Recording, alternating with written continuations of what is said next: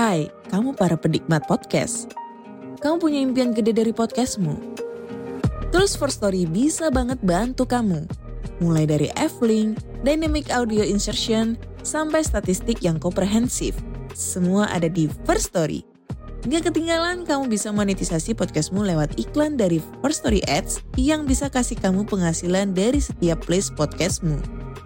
Yuk gabung sekarang dengan klik di firststory.me. Sekali lagi, klik di firststory.me.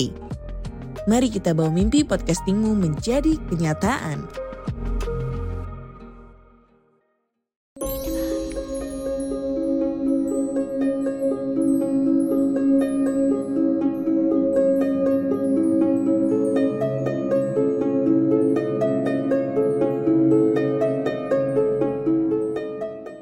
Selamat datang dan selamat malam. Saya Denny, narator dari Rumah Indonesia, kembali menjumpai kalian. Dan kali ini seperti biasa, kita akan mendengarkan sebuah cerita horor di malam hari ini. Sebelumnya, buat kalian yang sudah subscribe channel Rumah Indonesia, juga sudah komen, sudah like atau dislike. Terima kasih. Dan buat kalian yang juga setia mendengarkan saya di podcast Rumah Horor Indonesia di Spotify, juga makasih dan mohon kesediaannya buat mampir ke YouTube RHI atau Rumah Horor Indonesia buat subscribe karena itu bakal membantu banget. Dan terima kasih banget buat kalian yang sudah. Dan cerita kita pada malam hari ini berjudul Video. Kejadiannya sekitar tahun 2010. Saat itu temanku yang bercerita masih awal-awalnya kuliah di sebuah kampus negeri di Yogyakarta. Kebetulan dia ambil kuliah yang jurusannya berkaitan dengan seni, yaitu seni tari. Kejadiannya terjadi di sebuah gedung di fakultasnya, yang memang menurut cerita dari mulut ke mulut yang ia dengar dari teman dan para seniornya saat itu. Gedung tersebut memang angker, tapi sekarang gedung itu sudah tidak ada lagi karena selain merupakan bangunan lama, juga karena kebutuhan fakultasnya untuk membangun gedung baru, sehingga gedung itu akhirnya diratakan dengan tanah. Pada waktu itu, dia dan beberapa temannya sedang berlatih untuk pentas sebuah tarian di panggung di dalam gedung itu, yang berlatih semuanya perempuan. Saking semangatnya mereka berlatih, sempat sampai kemalaman, dan karena mayoritas anak kos, jadi mereka memutuskan untuk menginap di dalam gedung itu. Akhirnya mereka pun keluar dari gedung dan memilih tidur di luar saja. Karena saat hendak istirahat, tiba-tiba ada suara seperti tangga yang jatuh di dalam gedung. Dan suaranya sangat keras. Tapi setelah diperiksa, tidak ada tangga atau barang yang jatuh di dalam gedung. Makanya mereka langsung tergesa-gesa pindah tempat. Setelah beberapa kali berlatih dengan sungguh-sungguh dan diadakan semacam gladi bersih sebelum hari pentas, salah satu dari mereka ada yang minta tolong kepada temannya untuk merekam latihan mereka supaya bisa jadi bahan evaluasi bagi mereka untuk memperbaiki gerakan tari dan kekompakan dalam menari bersama. Temanku itu cuma menceritakan dua hal yang menurutnya sangat aneh.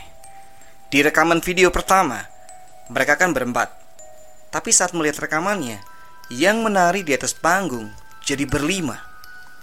Saat direkam itu, mereka berdandan dan memakai kostum yang sama. Katanya sih, terlihat ada sosok penari lain yang dandanannya dan kostumnya sama seperti mereka berempat. Dan waktu di zoom, supaya terlihat wajahnya seperti apa, katanya mirip seperti salah satu temannya yang menari. Lalu di video kedua, Waktunya berbeda dengan video sebelumnya. Kalau di sini, yang menari hanya berempat. Tetapi di belakang mereka seperti ada sosok wanita yang melintas dan terekam. Saat kutanya kepadanya, apakah saat itu dia tahu kalau ada yang melintas di belakang dia? Dia sih menjawab nggak tahu dan nggak memperhatikan karena sedang konsentrasi menari. Dan anehnya, Katanya kedua rekaman video itu cuman bisa diputar sekali saja.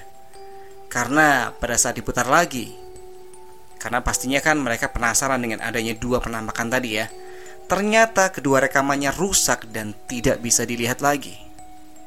Aneh banget ya ini ya. Kata temanku sih memang sering ada kejadian begitu. Entah saat pentas atau latihan di panggung. Kadang penarinya jadi tambah satu. Menurut cerita dari mulut ke mulut yang ia dengar, katanya yang sering ikutan menari itu adalah arwah dari salah satu mahasiswi fakultas tersebut yang ditemukan meninggal di tempat kosnya. Mungkin arwahnya belum tenang atau bagaimana. Temanku juga nggak bisa memastikan kebenaran kabar itu. Tapi ya seperti itulah yang ia dengar. Selain itu juga ada cerita lainnya. Di kampusnya kan punya seperangkat gamelan Bali dan ditempatkan di ruangan khusus. Nah, kalau mau mengambil gamelan itu, katanya harus izin dulu kepada petugas yang mengurusi gamelan itu. Karena pernah kejadian ada mahasiswa yang asal ambil aja salah satu dari alat musik gamelan tersebut, malah kerasukan. Baik teman-teman, sekian cerita horor kita buat malam hari ini. Kita ambil yang baik dan kita buang yang jelek-jelek. Tapi yang utama kita ambil sebagai hiburan. Terima kasih sudah mendengarkan sampai akhir. Sampai ketemu di cerita horor berikutnya. Selamat malam, selamat beristirahat.